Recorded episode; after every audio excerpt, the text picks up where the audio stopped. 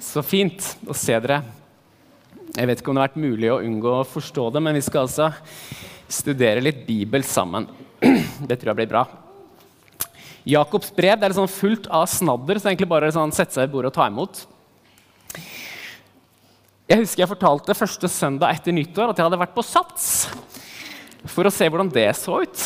Um, og denne uka så var jeg tilbake på Sats. Jeg lover å si fra hvis det utarter på noen måte, men jeg var der. Og det som tar meg litt, eller som jeg synes er interessant, er at til det stedet så kommer det folk som er kraftige, som kanskje ønsker å miste vekt. Og så kommer det folk som er veldig tynne, som kanskje ønsker å legge på seg, eller kanskje få noen muskler på kroppen. Det var i hvert fall min sånn motivasjon. Så kommer det unge mennesker, kommer det gamle mennesker, kommer det folk som har hatt en skade, som ønsker å trene seg opp. Så er det folk som ønsker å forebygge skade. Og så kommer vi til dette samme stedet, gjør noe av de samme øvelsene. Men så har vi så forskjellige motiver, så forskjellige behov. Er ikke det litt rart? Når vi kommer til Guds ord, så er det noe av det samme. Vi kan komme med så forskjellige behov, men så kan Gud møte oss om vi trenger åpenbaring om hvem han er om vi trenger trøst, om vi trenger rettledning, om vi trenger omsorg, så møter vi det i denne Bibelen her. Og Det er en bønn om at vi ikke bare skal bli klokere, men at vi skal få lov til å bli møtt av Gud på den måten som vi trenger det, og det vet Gud. Bibelkunnskap i seg selv er ikke superviktig, men denne boka her, det er et kart inn til Guds hjerte. Og der ønsker vi å være. Vi ønsker å være at vi lever sammen med Han, at vår ånd er kobla på Hans ånd. At vi kan få fange inn noe av det som skjer i himmelen, og dra det ned på jorda. Og se det rundt oss i vår hverdag. Er ikke det sant? Silje sa det kjapt. Vi kommer til å, forkynne ett og et kapittel her på søndagene. Dere er invitert i grupper. Dere som ikke er en huskirke, kast dere sammen med noen eller studer alene. Um, så skal vi få lov til å grave i det sammen. Når vi kommer inn for Guds ord, så liker jeg å si at vi kommer tilbedende innenfor Guds ord. Eh, det vil si at vet du hva? Ting vi ikke skjønner, ting vi kanskje ikke er sånn grunnleggende helt enig i heller, men vi bøyer oss for Guds ord i tilbedelse. Dette er Guds ord som han har pusta sin ånd på, og som er virkekraftig alltid etter det. Samtidig kan det være greit å vite at Jakobs brev ble ikke skrevet i kollektivet. Det ble skrevet til noen helt andre. Så det er sannheter og åpenbaring vi kan ta imot, men det kan være greit av og til å vite sette seg hva er konteksten her. Hvem er forfatteren? Hvem skrives det til? Hva er fokus i det brevet her? Og jeg har lyst til at Vi skal bare ta et lite øyeblikk og si noe før vi går inn i studiet om, om dette ordet. Og så har jeg lyst til å si, Disse søndagene blir sikkert litt forskjellig etter hvem som deler. Men i dag så blir det litt sånn tapas. Jeg ønsker å gå inn på to-tre forskjellige ting, tematikk i denne, dette første kapitlet. Og så skal dere få til å drøvtygge det til vi ses igjen. Men først litt informasjon. Og hvis noen har vært så grei å hente litt vann til meg, så kunne det her vært blitt riktig bra. Eh, litt informasjon. Man tror at Jakobs brev kanskje er den første teksten som ble skrevet. Man tror det fordi at eh, Jakob, som ble pastor og leder i menigheten i Jerusalem i år 44 etter Peter, han døde i år 64 i martyrdøden. Så man vet at det ble skrevet før det. Eh, og så er det flere grunner til å tro at det ble skrevet kanskje ganske mye lenge før det. kanskje i år 45 eller noe sånt. Fordi Jakob han sto i tjeneste i menigheten i Jerusalem og sto i hele denne debatten om hvordan skal de hedningekristne komme inn i det kristne fellesskapet. Skal de måtte omskjæres? Må de holde alle jødiske lover? Det var mange samtaler og møter rundt det her. Og midt i det her sto Jakob supersentralt. Men fordi han ikke nevner det i denne boka, her, så antar man at dette er skrevet før den tematikken ble veldig hot. Og du leser ingenting her som handler om de, de hedningekristne. Litt hvem det var skrevet til, det står det veldig klart i vers 1. Det er skrevet til de jødekristne som er i diaspora, som er i hele Lille-Asia. Sendt ut, eller ikke sendt ut, mange av de dro ut etter at Stefanus ble steina.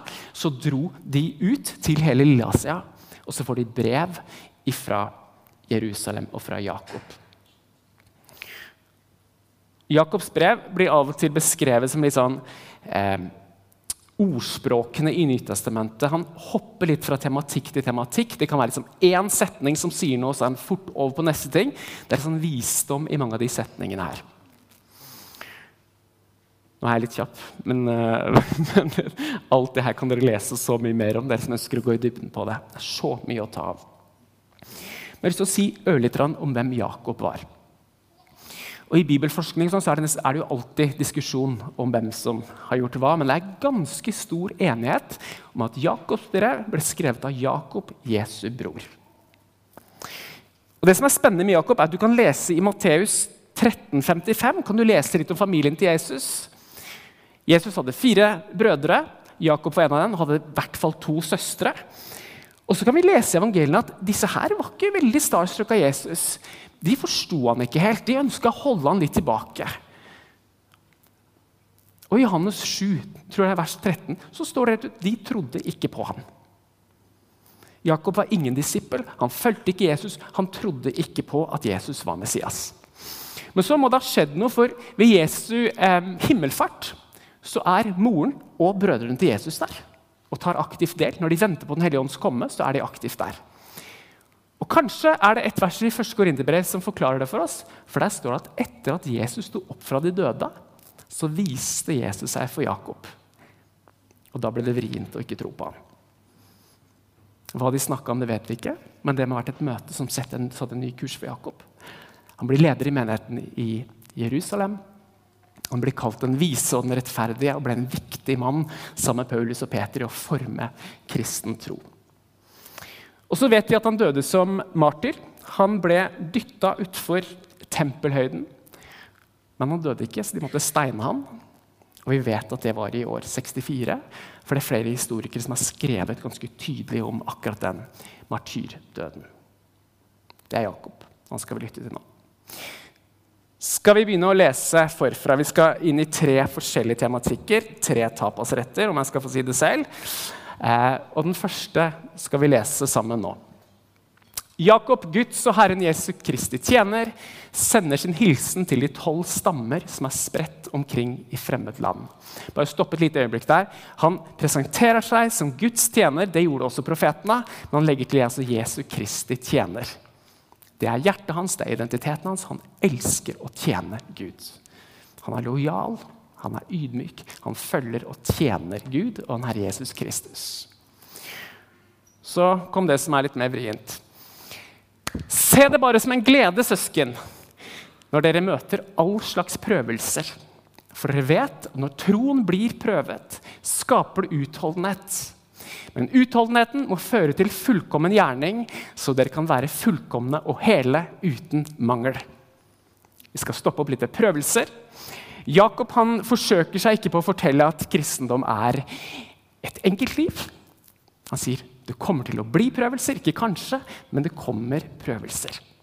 Og det Ordet for prøvelser det kan både bety fristelser, men også det å bli testa av hverdagen. Av det som måtte komme. Og I konteksten her så handler det om å bli prøva og testa av de tingene man møter i livet sitt. Og Vi som sitter her, vi er ikke naive. Vi vet at i livet så kommer vi til å møte sorg, vi kommer til å møte svik, vi kommer til å møte død rundt oss. Vi kommer til å komme i situasjoner hvor fienden ønsker og forsøker å riste troen ut av hjertet vårt. Det vet vi. Vi som er her, mest sannsynlig kommer vi til å oppleve å bli misforstått, baktalt, ledd av i lunsjen. Jeg vet ikke. Noen her kommer til å kjempe med økonomi. Noen av oss kommer til å kjempe med helse.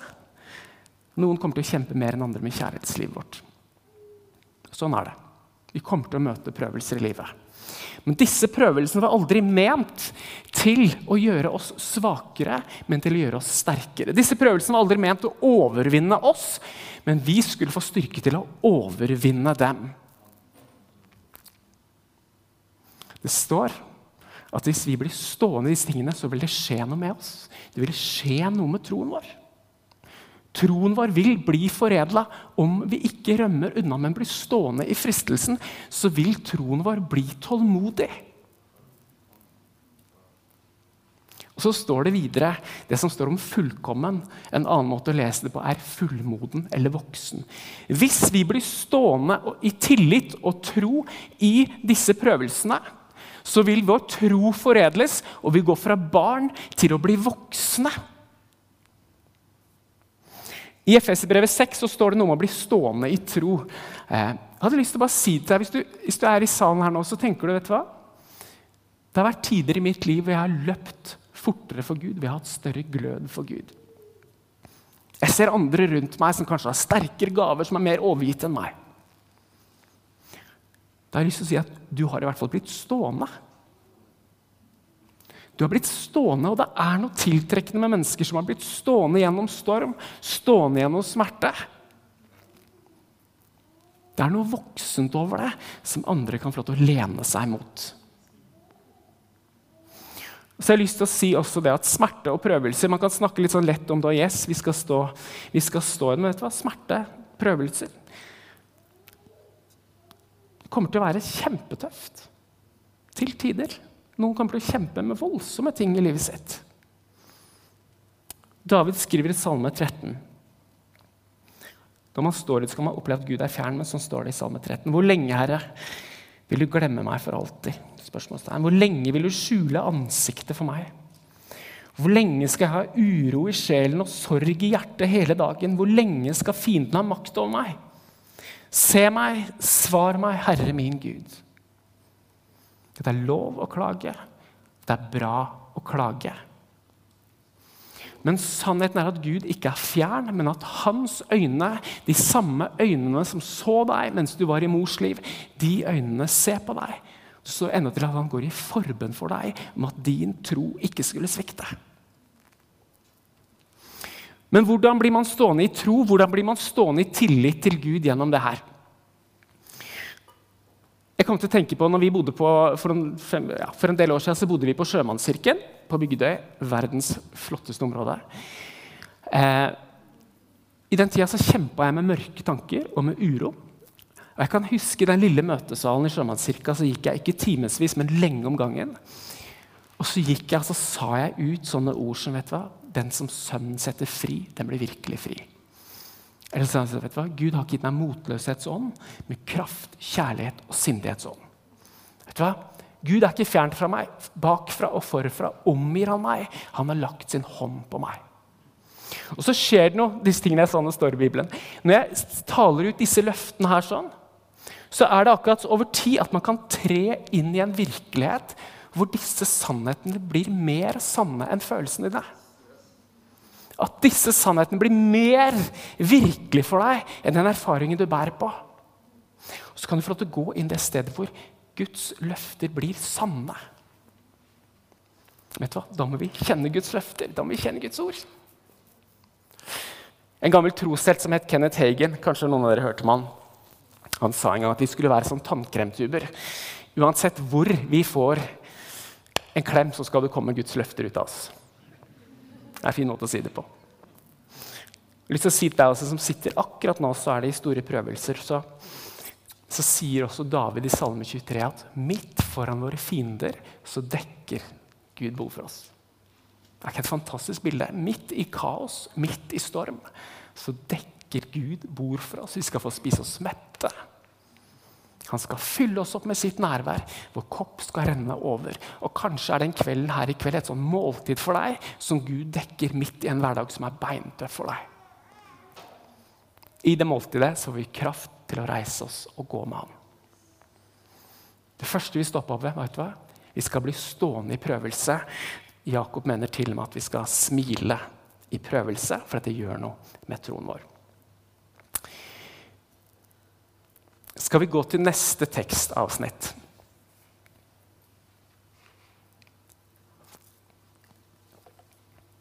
Ok, Salig er det mennesket som holder ut i fristelser. For når han har stått sin prøve, skal han få livets seierskrans, som Gud har lovet dem som elsker ham. Ingen som blir fristet, må si det er Gud som frister meg. For Gud fristes ikke av det onde, og selv frister han ingen. Alle blir fristet av sitt eget begjær, som lokker og drar. Når lysten er blitt svanger, føder den synd. Og når synd er moden, føder den død. Av og til så blir jeg så tatt av hvor utrolig godt Bibelens forfattere beskriver ganske krevende ting.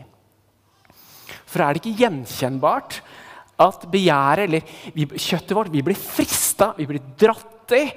Eh, det, er si, det er ikke noe syndig å bli frista. Jesus ble frista. Vi kommer til å bli frista til vi ikke orker å bli frista mer.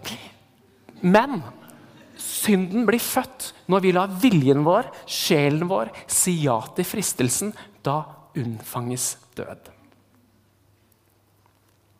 Og så står det at eh, synden igjen, når den blir fullmoden, den skaper død. Og er det ikke det vi ser? At utroskap dreper ekteskap. At baktalelse ødelegger vennskap.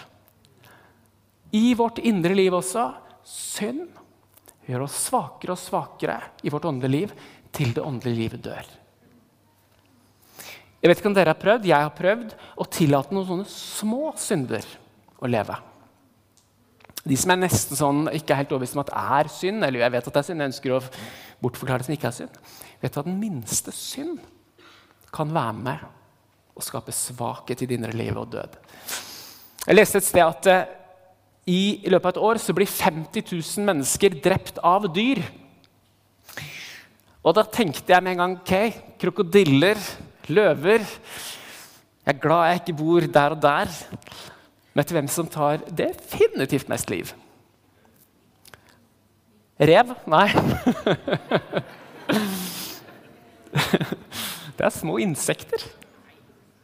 Små insekter som bærer med seg gift. Stor majoritet. Vet du hva, I Jakobs brev, når han skriver om synd, så blir ikke en synd en sånn kamp mellom rett og galt, men mellom liv og død. Han skriver ikke at kampen mot synd er på en måte å melde seg inn i en sånn moralsk eliteserie eller å være et godt forbilde. Han sier rett og slett at synd er gift. Du må holde deg borte fra synd fordi synd dreper, ikke være et godt menneske. Så klinisk, så tydelig. Jeg synes Det er ganske sånn interessant å se hvordan det prinsippet her lever i verden. Veldig interessant, syns jeg. I 2018 så åpna Irland for abort, eller fri abort. Eh, og Irland hadde holdt igjen veldig lenge, et skikkelig sånn betongkatolsk land. Eh, hvor kirka har vært med å sette, sette moralen i landet. Så de har vært veldig restriktive på abort. Så har de en meningsmåling hvor det åpnes for abort. Og så står det i, i kommentaren fra redaktøren i den største avisa i Irland så står det synd skaper død. Eller synd føder død. Og så skriver han Jeg har fått det gjenfortalt av en katolikk.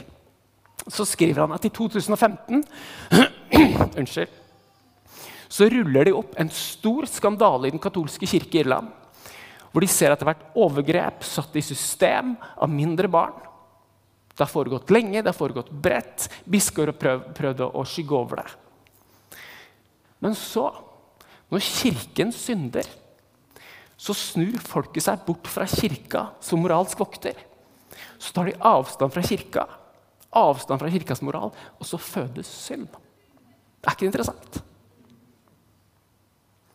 Krig, undertrykkelse, skaper krig og død. Men det Jakob begynner med her, er at han begynner å skrive om en krans. Og det er akkurat som i prøvelser så sier han ta det med et smil. Ah, bli stående i det. Så skriver han når vi står i fristelser, så minner det altså om en fremtid. Han skaper en slags forventning. Det fins en målstrek. Vi løper et løp. Jesus, eller Gud, står og fletter en seierskrans for oss. Er ikke det ganske fantastisk? Han skriver dette til de nye kristne. Så han skriver dette Når du står i fristelse til å betale snekkeren din svart, eller når du blir frista til å benytte de rause økonomiske ordningene på jobb, eller når kroppen din skriker etter og si at vet du hva, det Gud ønsker skal vente til ekteskapet, det er ikke kroppen så innmari interessert at det skal vente til ekteskapet. Når disse tingene skjer, så sier, sier Jakob ha et evighetsperspektiv med deg. Jeg har aldri lest noe teologi på det, men jeg har jo alltid tenkt at denne kransen For det Paulus skriver om denne kransen som venter i Timotees, 2. Timotees siste kapittel. Men jeg lurer på om denne kransen kan være noe Gud gir oss i dette livet. En krans det kan handle om fest og glede. Det kan handle om seier, det kan handle om heder og ære.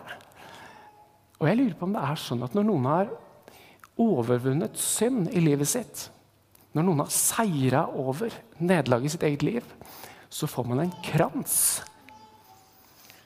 Man får heder, man får ære av Gud.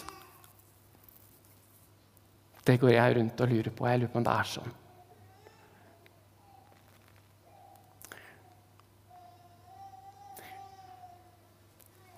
Vi har snakka om prøvelser, vi har snakka om synd. Nå blir det bedre. Siste tapasrett. Da leser vi fra vers 22. Dere må gjøre det ordet sier, ikke bare høre det. Ellers vil dere bedra dere selv. For den som hører ordet, men ikke gjør det, ordet sier, ligner en mann som ser på ansiktet sitt i et speil. Han ser på det, går sin vei og glemmer straks hvordan han så ut. Men den som ser inn i frihetens fullkomne lov og fortsetter med det, blir ikke en glemsom hører, men en gjerningens gjører. Et slikt menneske skal være lykkelig i sin gjerning. Noe av det vi leser her, det går igjennom i Jakobs brev. Og jeg lurer på om det er sånn at Jakob han taler til jøder som har blitt kristne. Og det jødiske folket er enormt gode den dag i dag til å studere tekst, til å analysere tekst, til å ta til seg visdom, ta til seg kunnskap. Men så er det akkurat som Jakob sier, vet du hva? Jesus var ikke en ny rabbi, så nå kom en litt annerledes lære som dere må studere. Vi skal ikke starte et nytt teologisk fakultet. Guds rike går fram når vi begynner å gjøre det vi hører, gjøre det vi leser. Og så bruker han det interessante bildet av et speil. Og Det vil jo mest sannsynlig fungere sånn her at du ser deg selv i speilet. Og så ser du en og annen ting som du kunne tenke deg å rette på. Kanskje har du for mye voks i håret, kanskje har du for lite voks i håret. Kanskje har nesehåret begynt å vokse litt. Du ser noen ting i det speilet som tenker her må jeg ta tak. Men så går du bort fra speilet og så glemmer du det, og så får du ikke gjort noe med det. Det er det bildet Jakob bruker. at vet du hva? Denne Bibelen er som et speil. Når du leser den, så blir det sånn Dette må jeg ta tak i. Oi, her er det mennesker jeg trenger å tilgi. Og så videre og så videre. Så sier han, ikke glem det du ser. Gjør det. Ta tak i det. Hold det speilet for deg. Men så skriver Jakob om en gjeng som gjør dette nesten automatisk. Som er lykkelig i all sin gjerning. Hvem er det? Jo, det er de som stirrer inn i frihetens fullkomne lov. Hva i all verden er det? Hvem i all verden er det som gjør det? Hva er det? Jeg har lyst til å ta med deg, i hvert fall mentalt, til Romerne 7. Paulus skriver noe som jeg tror vi mange av oss har hørt. Det her skriver Paulus. For jeg forstår ikke hva jeg selv gjør. Det jeg vil, det gjør jeg ikke. Det jeg avskyr, det gjør jeg. Viljen har jeg, men å fullføre det gode makter jeg ikke. Det gode som jeg vil, gjør jeg ikke, men det onde som jeg ikke vil, det gjør jeg. Jeg finner altså at denne loven gjelder. Jeg vil gjøre det gode, men kan ikke annet enn å gjøre det onde. Mitt indre menneske sier med glede ja til Guds lov, men jeg merker en annen lov i mine lemmer. Den kjemper mot loven i mitt sinn og tar meg til fange under syndens lov, som er i lemmene. Jeg, ulykkelige menneske. Hvem skal fri meg fra denne dødens kropp? Paulus skriver om to forskjellige lover. Han skriver om Guds lov. Du skal ikke drepe, du skal ikke stjele. Du skal ikke misunne. Nesten alle mennesker er med at det er en god lov. Det er en lov som sier noe om hvem Gud er. Det er en lov som er der for at vi skal leve gode liv. De fleste mennesker er helt enige i at dette er en god, fullkommen lov. Og noe inni hjertet vårt sier 'denne loven vil jeg følge'. Men så funker det ikke helt. Fordi det er en annen lov i kjøttet vårt som hele tiden trekker oss mot å gjøre det stikk motsatte. Som drar oss mot synd, som drar oss mot mørket. Og så er syndens lov er død. død. I dette spennet her så har så mange kristne mista glede og frimodighet. I det spennet her har så mange mennesker mista trangen for å vitne. For hvorfor i all verden skal vi dele evangeliet og dra andre mennesker inn i dette spennet? I dette her sånn, så har så mange mennesker begynt å spørre seg hva er de gode nyhetene? Hva er evangeliet? Hvis det bare er synd, anger, tilgivelse, synd, anger, tilgivelse Hvis dette er livet, hva er de gode nyhetene? Så begynner, I kapittel 8 så begynner Paulus å skrive om åndens lov. Og da skal alt løse seg. Åndens lov. Jeg kunne lest, vi kunne gått i dybden på det. Åndens lov kommer, og dere behøver ikke å leve som slave lenger. Og Jeg tror jeg kan erfare og dele det på forskjellige måter. Men for meg så var det sånn jeg begynte å ta det i tunger. Men jeg sto fortsatt i det spennet der. Ja, kun for kraft til å vinne over ting av og til, men tenkte jeg sånn etter. hvis jeg får se helbredelse, hvis jeg får se det rett foran øynene mine, noen radikale grep, da vil jeg bli så fylt av Den hellige ånd at da er denne kampen her helt over. Og så fikk jeg se noen helbredelser. Søren, funka ikke helt. Tenkte jeg, hvis jeg går i fulltidstjeneste for Gud, da må det begynne å nærme seg. Jeg begynte i fulltidstjeneste etter jul. Det gikk ikke av seg sjøl heller. Men det som ble en revolusjon for meg, vil jeg si Det som ble Som forandra mitt kristenliv for alltid, det var når jeg fortsatte å lese Romerne 8, 14, står det. 15. Dere har ikke fått den ånden som slavene har, så dere igjen skulle være redde. Nei, dere har fått ånden som gir rett til å være Guds barn. Den som gjør at vi roper 'Abba, far'. Ånden selv vitner sammen med vår ånd om at vi er Guds barn. Dette kan for noen høres ut som ord, og jeg tror det må erfares. Men jeg forsto at det ånden åpenbarer, det er at vi er Guds barn. At vi har en far som elsker oss. At vi ikke er under lov, men at vi er i relasjon. At jeg ikke behøver være redd for å ikke prestere, men at jeg er elska uansett. Jeg behøver ikke å preke bra, for jeg har en anerkjennelse fra Gud. Jeg har en gutt som ikke kan fire pluss fire. Men jeg elsker ham. Og Når det begynner å senke seg ned i hjertet vårt, så begynner disse modale hjelpeverdenene å falle av. Skulle, burde, måtte. Og vet du hva? Da går det fra lov til relasjon. Da blir til og med bønnestunden annerledes. Det er ikke sant, vet du hva? Jeg skulle ha bedt fra da til da, og jeg feiler og jeg feiler. Kanskje skal du settes fri fra det. Så er det med at Gud, far, inviterer deg til å henge. Det er et så stort skifte i ditt kristne liv. Du trenger ikke frykte, for Gud er der. Du trenger ikke å lykkes som kristen engang, for Gud er der. Han elsker deg. Vet du hva? Det her så Jakob for sine øyne. Han så at dette, jeg og Jesus vi er ganske like. Vi ligner til og med litt på hverandre. Men vi er helt forskjellige. Når jeg møter prøvelser, så blir jeg jo hissig. Jeg vil ta hevn. Mens Jesus han bare stråler gjennom det her.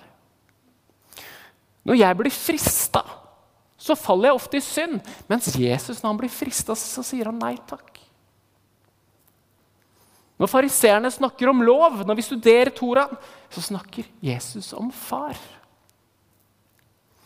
Og så skjønner han at de er brothers from different fathers. Og at det er hele forskjellen. Jesus visste fra sin dåp at han var elska av Gud. At han var en som ga Gud glede. Det visste han. Og vet du, Det vil endre så mye i oss hvis vi kan få lov til å ta imot at vi er Guds elskede barn. Jeg har lyst til å si det, Hvis du kommer inn her og føler jeg, jeg nailer ikke liksom basic kristendom engang. Jeg jeg får ikke til fem minutter bønn engang. Kanskje du kan bli helt fri fra det. Så kan du spørre Gud om dere skal høre på litt musikk sammen eller gå en tur sammen. eller... Vet du hva som skjer med de som stirrer inn i denne fullkomne loven som Jesus har brakt til veie for oss? De blir glad. De må ikke kjempe for å være gode mot andre. Kjærligheten kommer innenfra. Gud har gitt det til dem. Og jeg tror Jakob har vært gjennom den transformasjonen der. Og så sier han, vet du hva? Det er det dere må gjøre. Dere må stirre inn, studere dette paradigmet. At Gud er deres far. At dere ikke trenger å frykte. Dere er redda, ting er endra, og dere vil kunne gjøre det med glede. Skal vi reise oss opp og be sammen?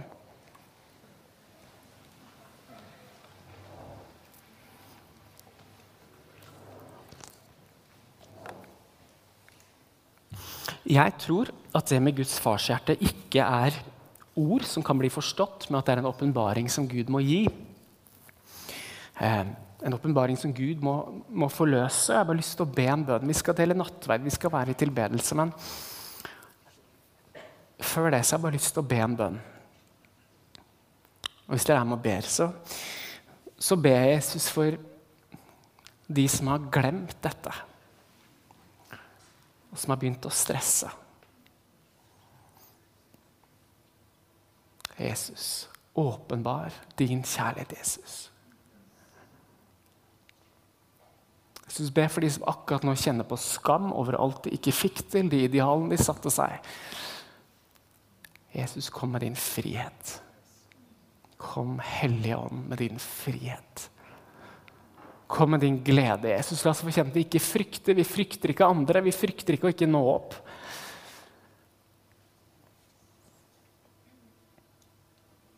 Fordi du har omfavnet oss, Jesus. Kom, Hellige akkurat når vi tilber deg nå. Kom, pust på hjertet vårt og fortell oss at du er vår far.